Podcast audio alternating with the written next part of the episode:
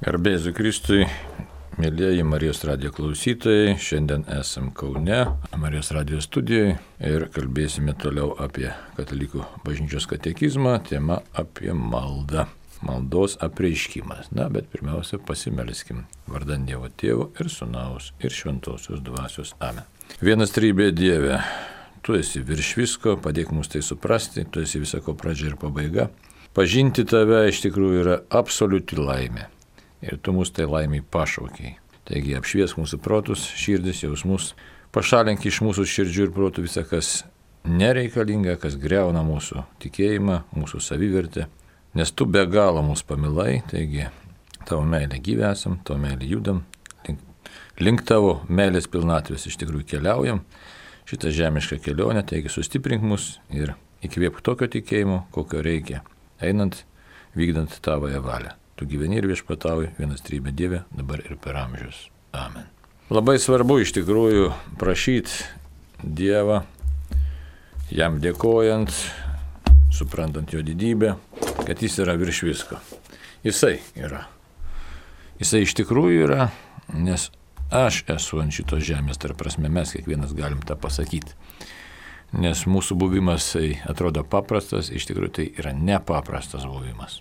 Tai štai šitą vietą kalbėti apie tikrą savivertę, kurią veda malda, maldos gyvenimas. Taigi, kalbam toliau apie maldą ir dabar koks, kokie aspektai būtų šitos maldos, labai įdomus tokie. Vadinasi, skirelis Elijas, pranašai ir širdies atsivertimas. Taigi, malda turi įvairiausių aspektų, įvairiausių ir be galo turtingas dalykas šventasis raštas, kuris kalba apie besimeldžiančius žmonės. Apie besimeldžiančią tautą, apie tautą, kuri paklysta, atsitraukia nuo Dievo ir tada patiria kirčius įvairiausius, sakytume, likimo iš tikrųjų tai priešiškų tautų Dievas leidžia tada priešams niokoti tą tautą ir tą žmogų, kuris pasitraukia nuo Dievo ir nustoja melstis. Ir atvirkščiai, kai žmogus grežiasi Dievą, tai tas atsigrėžimas, tai galėtum jį pavadinti taip pat drąsiai malda. Ir tas atsigrėžimas vėlgi turi savo poveikį, savo pasiekmes, savo rezultatą. Ir tada vėl keičiasi žmogaus gyvenimas. Ir taip vyksta kaip jūrai. Tik atsigrėžiai, nusigrėžiai nuo Dievo ir patenki į bėdą, atsigrėži viešpati, vėl Dievas iš tos bėdos vaduoja.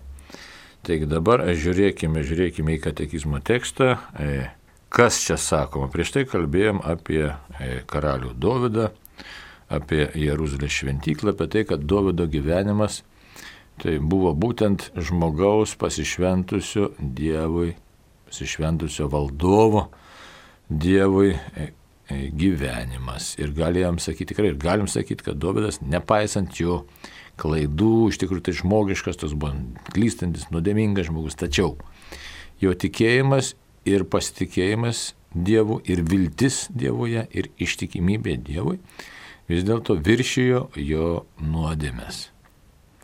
Taigi, kartais mes tikimės iš savęs, iš kitų tikinčių kažkokio sterilumo. O pasirodo, to sterilumo nėra. Niekaip įdomu.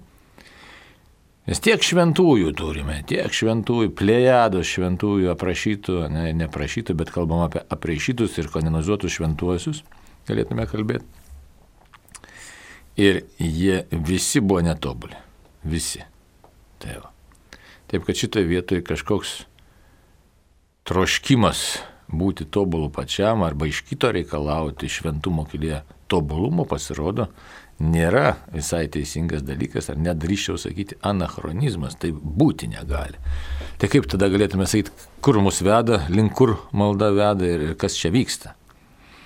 E, čia yra tokie įdomus dalykai. Čia dar nekartą reiks kalbėti ir šventas katekizmas mums pateiks ir pateiks ir pateiks. Labai subtilus ir gilus dalykai. Taip, reikia stengtis ir siekti šventumo ir tobulumo, ar kaip mes šį pavadinsime. Tačiau viskas vyksta kitaip. Tai todėl kaip vyksta, ne, dar pasižiūrėsim. Bet vyksta kitaip. Žmogus pats negali būti nei tobulas, nors šventam rašte aišku, Jėzus sakė, būkite tobuli kaip dangiškasis tėvas, bet iš konteksto mes negalim tų žodžių ištraukti, nes tik tai pažinus Dievą, tik tai grežintis į Dievą įvyksta žmoguje kažkas, ne, nesakysiu kas dabar, specialiai. Taigi dabar žiūrim į tekstą. Tekstą žiūrim Elijas, pranašai ir širdies atsivertimas. Tekstas toks labai 2581 numeryje, sakytume, savotiškas. Taip, skaitom. Šventikla Dievo tautai turėjo būti maldos mokykla. Dvitaškis, ne?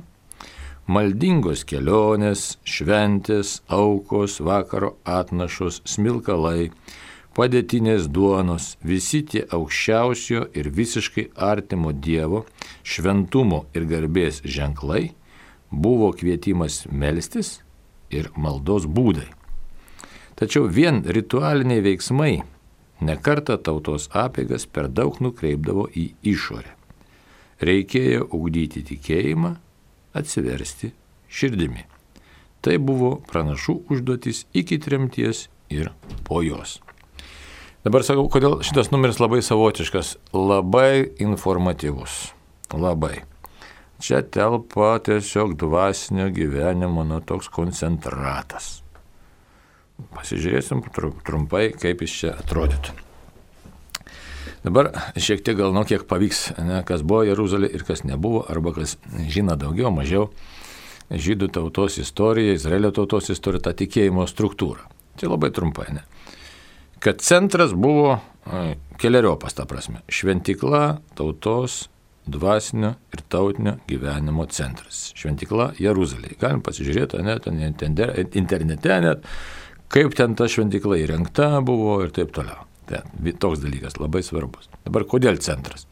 Ten visą laiką buvo melžiamasi ir aukojamos įvairialypės, įvairiopos aukos. Tai yra už tautą, už tautos nuodėmės, permaldavimo, padėkos, na, visokių ten jie tų aukų turėjo. Tai dieną, naktį iš tikrųjų, na, galėčiau taip sakyti, aš čia per daug nu, apibendrinamas. Bet dieną, naktį, taip sakykime, kildavo smilkalo ar ten deginamo aukų atnašų dūmai, visokios šventės ir žmonės privalėjo kartą ar du, kiek ten suaugusiai, nuvykti į Jeruzalę, pagarbinti Dievą, paukoti auką už save, savo nuodėmės, už savo šeimas. Tai va, tai tokia struktūra reiškia, tai buvo pareiga, kurią privalėjo vykdyti. O šiaip melstis galėjo savo sinagogose, savo miesteliuose, kaimuose buvo sinagogos. Šventikla buvo Jeruzalėje. Tai va, toks dabar struktūrinis skirtumas.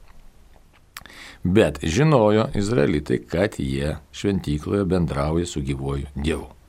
Tai labai svarbus dalykas. Ne su kažkuo tai ten, ne kažką tai smilko kažkam neiškiam, bet bendrauja su gyvoju Dievu.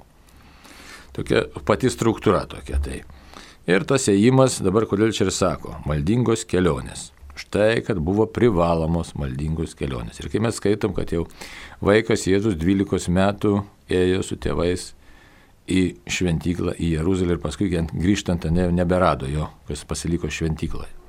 Tai štai, įsivaizduot, kaip formuojamas buvo tautos mentalitetas. Jis formuojamas religiniu požiūriu Kitaip tariant, formuojamas pagal santykių su Dievu. Jeigu yra santykiai su Dievu, tu ir priklausai šitai tautai.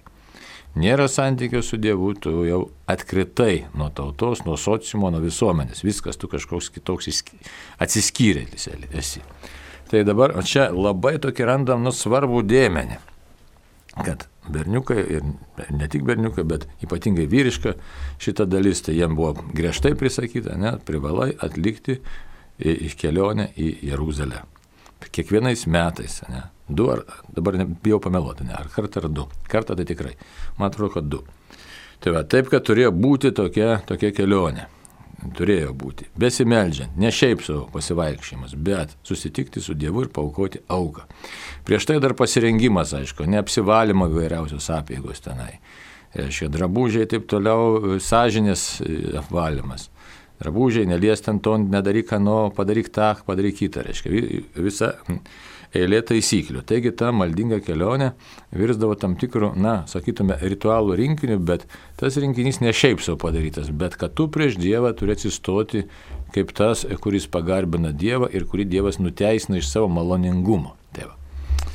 Ir štai e, tas tautos mentalitetas formavosi, kad štai turim stovėti prieš gyvąjį Dievą kaip teisūs, kurie visame kame kreipiasi Dievą ir pasitikė Dievu. Tai štai todėl šventikla Senajame testamente turėjo ypatingą vietą ir sako, šventikla Dievo tautai turėjo būti maldos mokykla. Kur čia mums dabar yra e, toks na, niuansas e, katalikams, labai svarbus, tos, kai dar, aišku, panagrinėsim, bet jau užbėgant už akių galima pasakyti, kad Mums taip pat reikalinga maldos mokykla, kuri vestų į santyki su gyvuoju Dievu, į gyvą santyki, į santyki su asmeninį santyki su asmeniniu Dievu. Ne šiaip su kažkuo tai menamu ar dar kažkokiu, bet su Dievu, kuris kalba, kuris yra gyvųjų Dievas. Tai čia jau taip toliau, taip toliau žinom, galim, galim plėsti ir plėsti, ne, mintį. Toliau šventės. Šventės irgi nebuvo šiaip savo kažkokios tai ten e, pasilinksminimo šventės, bet religinės šventės, kurios žymėjo tautos įvairiausius svarbius įvykius. Tai įvairiaus, įvairiausi svarbus įvykiai, pavyzdžiui, ne, kaip e, perėjimas iš jau Egipto per Raudonąją jūrą, tai žinom paską, ne? ypatingas įvykis, ypatingas. Paskui kitų ten švenčių buvo įvestų įvairiausių, kuriuoms taip pat reikėdavo pasiruošti, pasiruošti tam šventėm, pasiruošti atitinkamų būdų. Ten valgyti ar nevalgyti raugintą duoną, e, bet ne tik, reiškia, apsivalyti, apsiplauti, paukoti auką. Žodžiu, visas tas ritmas gyvenimo, kuris vėlgi nukreipdavo į tiesiog žvilgsnį ir vidų nukreipti, turėjo nukreipti į santykių su gyvuoju Dievu, kokiu Dievu. Visą laiką prisimenami patys pagrindiniai įvykiai, nesakysim, ar ten laimėtas mūšis prieš kažką, tai ne kaip sako įvesta šventė. Aišku, tas pats perėjimas jau, čia jau be jokio abejonių, kuris kreipia žvilgsnį į gyvą į Dievą, kuris išvedė iš Egipto žemės, iš nelaisvės namų, ne kaip ir prisimenam, kas anksčiau mokėsi kad e, katalikų katekizmą Baltaroko sustatyta ten ir buvo pamta ta frazė iš Seno testamento. Reikdavo dar ją ir išmokti. Mums, katalikams, reikdavo išvedė iš Egipto žemės iš nelaisvės namų. Tai ką Dievas, kitaip tariant, ką Dievas padarė, reikia mūsų gyvenime, šitą reikia prisiminti, atšvesti, jį pašlovinti, padėkoti, jį pagarbinti Dievą ir tuo gyventi tais Dievo stebuklais, kad tai yra gyvasis Dievas, kuris mumis rūpinasi. Tai čia labai svarbus tiek tų maldingų kelionių, tiek tų švenčių motyvas. Ir dabar mums, kai mes irgi švenčiam savo katalikiškas šventes, tai irgi turėtų būti tas labai svarbus motyvas. Kas yra Dievas? Ką jis padarė mano gyvenime? Įsivaizduojat, nes neretai mes švenčiam šventes, ar čia dabar Kalėdos artėja, ar kokios kitos šventės, e, na, Velykos, ar, ar nu, sėkminės. Bet komercija pilna vyksta, o ar mes paklausėm savęs, su kuo susitinku, su kuo su Dievu? Ana. Kokiu Dievu? Ir ką tas Dievas mano gyvenime padarė? Ar kyla toks klausimas? Galim pamatyti, kad kartais nekyla tokio klausimo. Ir tokia arogancija gali, kitas net gali galbūt pagalvoti, kad čia Dievas nieko nepadarė mano gyvenime. Ne?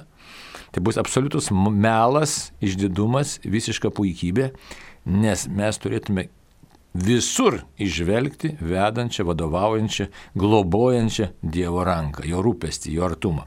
Jeigu mes šito nematom, reiškia jau mūsų maldingumas yra sutrikęs, arba jo visai nėra, arba jis visiškai iškreiptas ir mes kažką netaip savo tikėjime suprantame. Tai va. Dabar aukos, ne aukos čia. Katekizmas kalba apie aukas, seno, seno testamento, bet tos aukos vėlgi Prisiminkim Kaino ir Abelio auką, ne? kodėl viešpats priėmė Abelio auką ir Kaino aukos nepriėmė. Ir taip toliau šventykloje ten tos aukos ir aukos ir aukos permaldama už tautos nuodėmės. Padėkos aukos, ne? E, pirm, pirmie e, nu, aukojimas, pirmagimė aukojimas. Tad įvairiausių aukų buvo dėl ko? Todėl, kad viskas, kad išreikšti tą tiesą, kad viskas priklauso Dievui. Viskas. Suprantamės?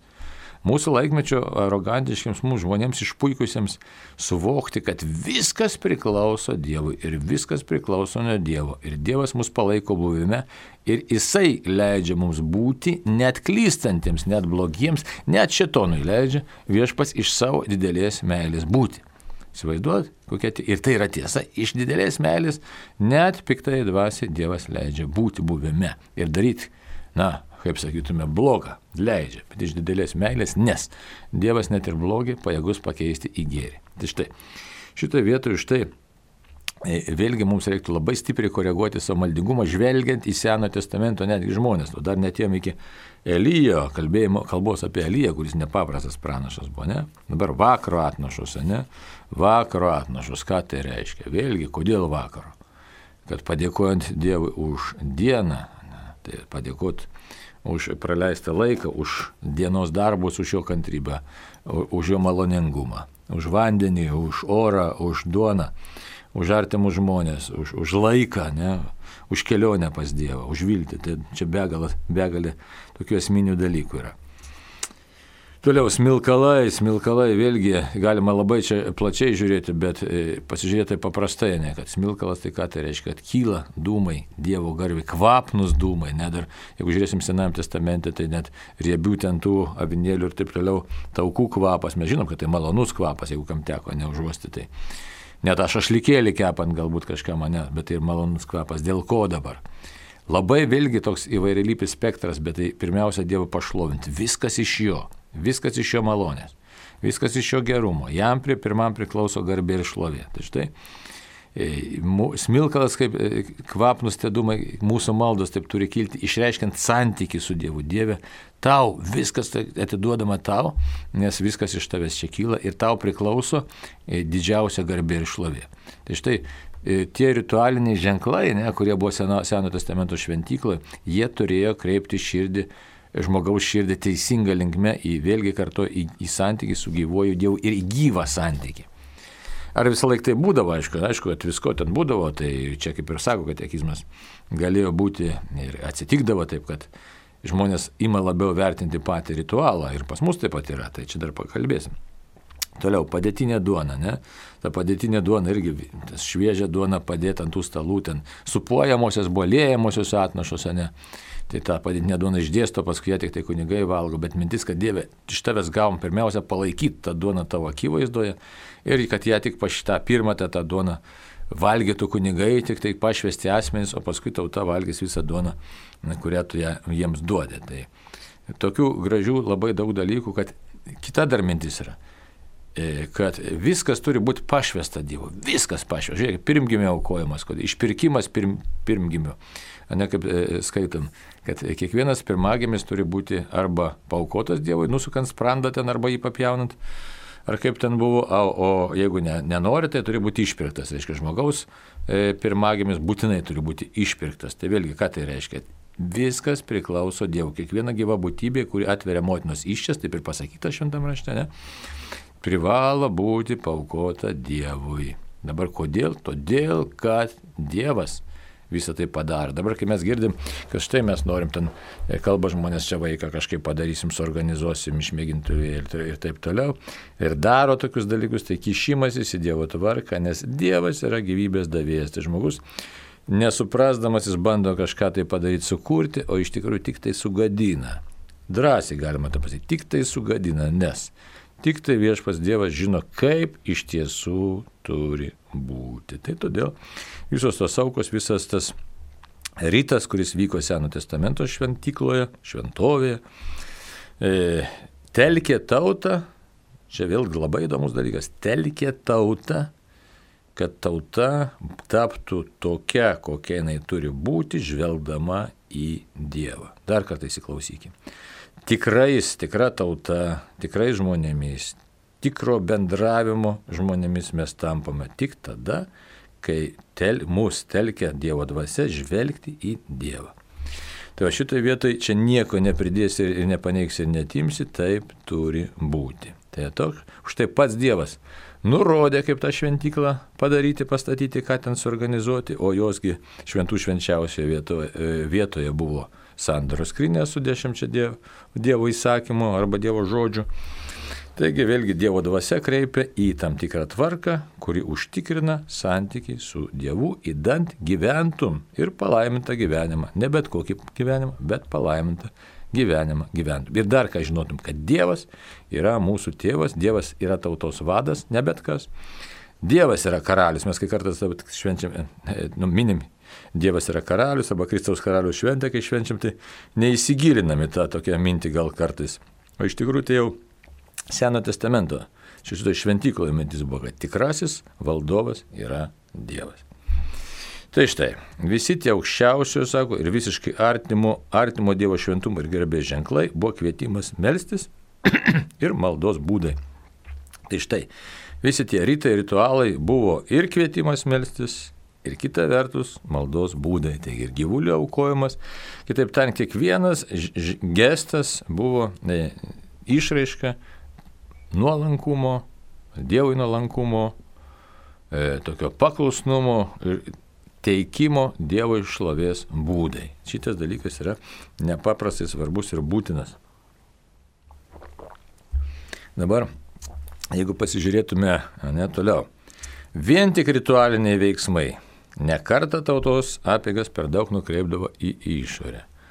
Ritualiniai jau veiksmai. Tai gali būti ir taip įvykdavo, kadangi jeigu žmogus tik tai jisai pernelyg e, ten susikoncentruoja į teisingą, ne, teisingą kabutės ar nekabutės ritualo atlikimą, yra pavojus, kad praras tą gyvą santykį su Dievu. Nors tas ritualas pats iš esmės turėtų kreipti į gyvą santykį su viešpačiu. Tai čia matote, jis lieka tas pavojus visą laiką.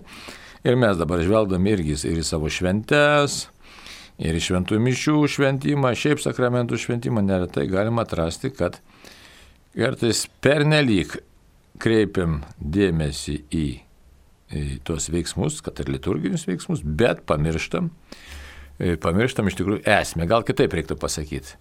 Pamirštam esmę ir lieka tik tai ritualinių ženklų atlikimas. Taip. Tai va, čia yra blogis.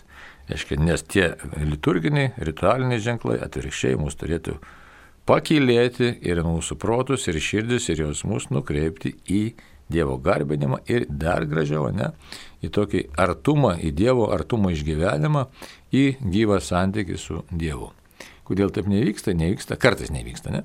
Nevyksta todėl, kad nu, per daug e, akcentuojam kitus dalykus ir nesam galbūt įpratę bendrauti su gyvoju Dievu. Šitoje vietoje štai ir yra tas neįpratimas bendrauti su gyvoju Dievu, todėl kad nėra to gilaus dėkingumo, ką Dievas atliko, ką Dievas padarė mano gyvenime. Net per skubėjimą mes, aš manau, kad didžioji dalis mūsų turėtų prisipažinti, kad per savo skubėjimą gyvenimo paviršim taip praplaukiau Ir net nepagalvojau e, daugeliu atveju, nu ką tu, kad, ką tu čia Dieve padarėjai mano gyvenime, iš tikrųjų. E, net nesusimaščiau, gal net, net neskiriam laiko tokiam susimastymui, o kad iš tikrųjų viskas čia yra Dievo ir kad tik iš Dievo malonės esam gyvi ir esam tokie, kokie esam. E, tai čia nu, tiesiog reikia kartais, gal ne kartais, ar daugeliu, reikia tiesiog staptelėti ir pakeisti mąstymo kryptį, ar kaip pasakyti, mąstymo būdą, ar na, tiesiog tos atsparos vertybinius punktus, tos kertinius įsitikinimus. Tai va. Toliau, reikėjo ugdyti tikėjimą, atsiversti širdimi. Taigi matom, kad nors ir ten matot, kas yra įdomu, Seno, Seno testamento tautoje, ne Izraelitų tautoje, nebuvo ten tokio paprasto pasirinkimo, noriu einu Jeruzalę, noriu neinu. Ne, ne, tai buvo privaloma suprantama, savaime suprantama, kad štai turiu eiti švesti. Viskas, jokių kalbų, jokių kalbų. Dabar kaip panašiai kaip pas musulmonus, musulmonų kraštuose. Ne? Mes tai dabar gal eisi į bažnyčią sekmadienį, gal neįsi, žinai, toks, toks yra ne, kažkokia tai tariama demokratija.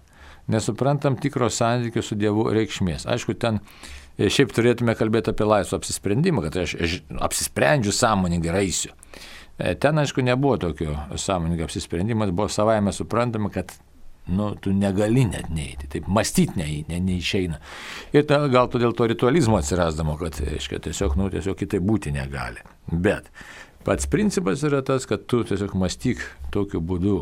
Tai yra teisingiausias mąstymo būdas, mąstymo kelias, e, mąst, e, minčių formavimo kelias, kad tik tai pirmiausia Dievas, jo garbė, o paskui visa Visa kita jisai jau spręs, jisai rūpinasi mumis. Tai, tai, bet, sako, reikėjo ugdyti tikėjimą atsiversti širdimi. Tai buvo pranašų užduotis iki tremties ir po jos, tautos tremties, ne.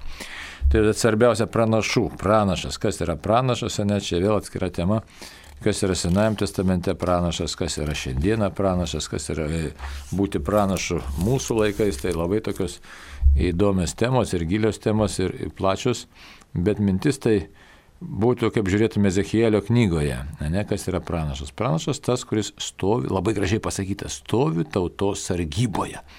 Galėsim kada prie progos ir pasižiūrėti dar Ezechielio ten knygą, kaip ten Dievas pasako, kas tu esi pranašas Ezechielį. Nors, aišku, čia pagal švent, dabar katekizmą ir šventą raštą, tai Ezechielis nebuvo pirmasis pranašas, tik tai ten galbūt labai gražiai pasakyta, kad tas, kuris būdė, stovi tautos sargyboje. O čia katekizmas kalba apie Elyją, kuris yra pranašų tėvas. Taip čia ir pasakyta. Tuoj pasižiūrim tekstą ir paskui pabandysim atsakyti į klausimus, kažkas žinutės. Pirmą pažiūrėkim e, tekstą, nes čia labai gražus ir svarbus tekstas, ne? Tai 2582 numeris. Elijas yra pranašų tėvas iš kartos tų, kurie jo ieško, ieško jo veido. Jo vardas viešpats yra mano Dievas, tampa tautos šauksmu, tarsi atsaku į jo maldą ant Karmelio kalno. Ragindamas mus melstis, tai primena Jokūbas. Daug gali karšta teisėjo malda. Dabar trumpas numerėlis, keturi tik tai e, keturios eilutės, tačiau labai daug informacijos ir labai daug švento rašto čia randame. Tai aš net rekomenduočiau, kas na, mažiau skaitęs yra Senąjį testamentą, tiesiog atsiversti ir pasiskaityti. Pabandysiu trumpai pristatyti situaciją, bet nu, nelabai ne pavyks čia taip, e, manau, e, aiškiai išdėstyti, nes čia labai daug informacijos pateikta keliais sakiniais. Dabar pirmiausia, kas yra Elijas. Elijas ypatingas pranašas, Dievo, Dievo vyras, na, reiktų taip sakyti, iš tikrųjų nepaprastas pranašas, kurį viešpas pasišaukė, pasirinko eiti ir skelbti Dievo garbę, rūpintis Dievu, tarnauti Dievu ir kuo pagrindė tarnauti, kad visiškai ištikimai skelbti, kad yra vienas Dievas Izraelyje ir kad, e, negali, kad tauta grėžtųsi, kitaip tariant, į tikrą teisingą tikėjimą ir nesiblaškytų, negarbintų svetimųjų dievų. Tai toks, aiškiai, Elijo gyvenimas. Dabar kokios galios tas pranašas? Tai nepaprastos galios pranašas yra. Dievas jam suteikė, aiškiai, tokias galias. Jeigu mes dabar kur čia žiūrėtume, jeigu žiūrėtume iš tikrųjų, čia yra e, pirmoji karalių knygoje, E, e, skirelis yra pasakojimai apie pranašus, tai prisimint pirmą karalių knygą, ne 17 puslapį, e, atsiprašau, 17 skirelis. Štižbėtis Elijas, aiškiai, jis už tai taip ir paimti tokie žodžiai. Iš Tižbės gilėdė tarė Ahabui, čia karalių Ahabui, kaip gyvas viešpas, ne, kaip gyvas viešpas, kuriam aš tarnauju. Tai, kuriam aš tarnauju. Tai viešpas, kitaip tariant, čia įvardina katekizmas Jelyje kaip žmogų, kuris sako, viešpats yra mano Dievas, reiškia, ir tampa tautos šauksmu. Kitaip tariant, įsivaizduoju, čia koks e, na, nepaprastas pateikiamas e, tiesiog pasirinkimas, ne, įsiklausyti reikia, tautos pasirinkimas. Viešpats yra mano Dievas tampa tautos šauksmu, pranašui Elyjui pranašaujant, o Elyja pasirinko viešpats. Dabar kokios galios tas pranašas, kodėl pradėjau kalbėti apie 17 skyrių, reiškia, tai tas, kuris uždaro dangų, galėtume sakyti, išpranašauja sausrą, Dievas pasiunčia jį, kad uždarytų dangų, ne?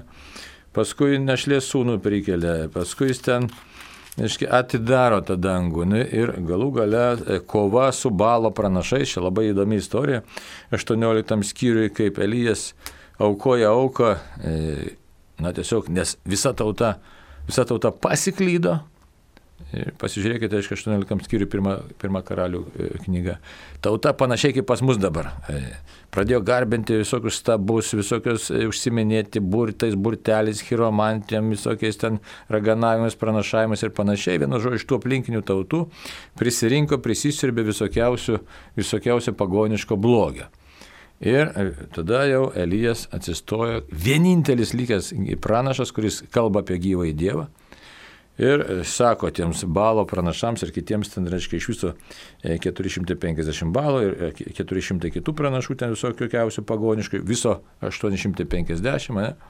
ir vienintelis Elijas, pilna žmonių prisirinkę ir visų širdis linkė ne į Eliją įsivaizduoti, ne gyvą į Dievą, bet į tuos balo pranašus. Balas tai ten buvo, nu, stabas, demonas iš tikrųjų. Ir Elijas ką sako, aukokim auką, kieno auką ugnis iš dangaus sudegins, tai jau Dievas ir tikras. Tai štai tie, tie pagonių e, šamanai, jie ten reikia, kaukia, staugia ir niekas nevyksta. Elijas atvirkščiai šitaip nu, trumpino. Ne? Elijas ne tik tą auką, kad ją padeda e, be jokios ugnies ant aukuro, bet dar vandenio apipilą, stipriai vandenio apipilą. Ir e, meldžiasi, ugnis iš dangaus aukurą, au, ir, ir auką, ir aukurą sudegina, ir žemę išdžiavina, tada jau tauta sako, taip, šitas mūsų yra viešpas. Kitaip tariant, per Elijo pranašystę ir jo maldą, ir jo auką, tauta sugrįžta prie Dievo, sugrįžta prie Dievo, įsivaizduojat. Ir tada kas įvyksta? Tada Elijas sako, griebkim tos balo pranašus, čia kaip pasakyta tiksliai. Tai va, sako, griebkim, čiupkite balo pranašus, ne vienam neleiskite pabėgti. Ir visi tie šamanai iš tikrųjų pranašai buvo sunaikinti. Tai žiaurokai skamba, bet taip. Ten, sako, ir Elijas ten juos nužudė, aišku, ne pats, bet jo nurodymu. Tai štai šitoje vietoje, kas yra tauta, sugrįžta per e, Dievo malonę, iš Dievo malonės, per pranašo veikimą sugrįžta būtent išpažinti tą patį esminį dalyką, viešpas yra mano Dievas. Jis sako taip gražiai, kad tikizmas netampa tautos šauksmu tarsi atsaku jo maldant Karmelio kalno. Tai čia ir nurodymą matom išnašą, ne? Pirmą karalio 18 skyrius 39 eilutė. Viešpats yra Dievas, tik viešpats yra Dievas. Tai mums šiandieną labai stinga šito moto, šito motyvo, šito išpažinimo. Esam panašioje situacijoje, kaip tada Izraelio tauta pasimetė tarp visokiausių balo pranašų, o, o tikro, tikrojo Dievo kažkaip nelabai norime priimti. Tai reikia vėlgi tos pranašiško veikimo, kad tauta sugrįžtų.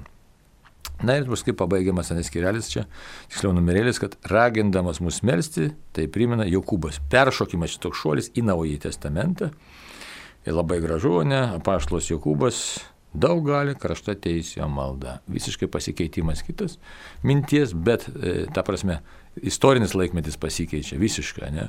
bet mintis tai ta pati, kad karšta teisė malda daug gali. Per Eliją maldą sausra atsirado ir dingo, prisi, buvo prikaltas jaunikaitis, bet svarbiausia, tauta sugrįžo per Elijo maldą ir prašymą ir auką, sugrįžo pas Dievą. Tai ką tai mums čia? Nurodymas ir įsakymas ir, ir kvietimas, taigi būti tais teisėjais, tai būti pranašais, per kurių maldą tauta turėtų sugrįžti pas Dievą ir galėtų išpažinti viešpas yra mano Dievas. Tai va.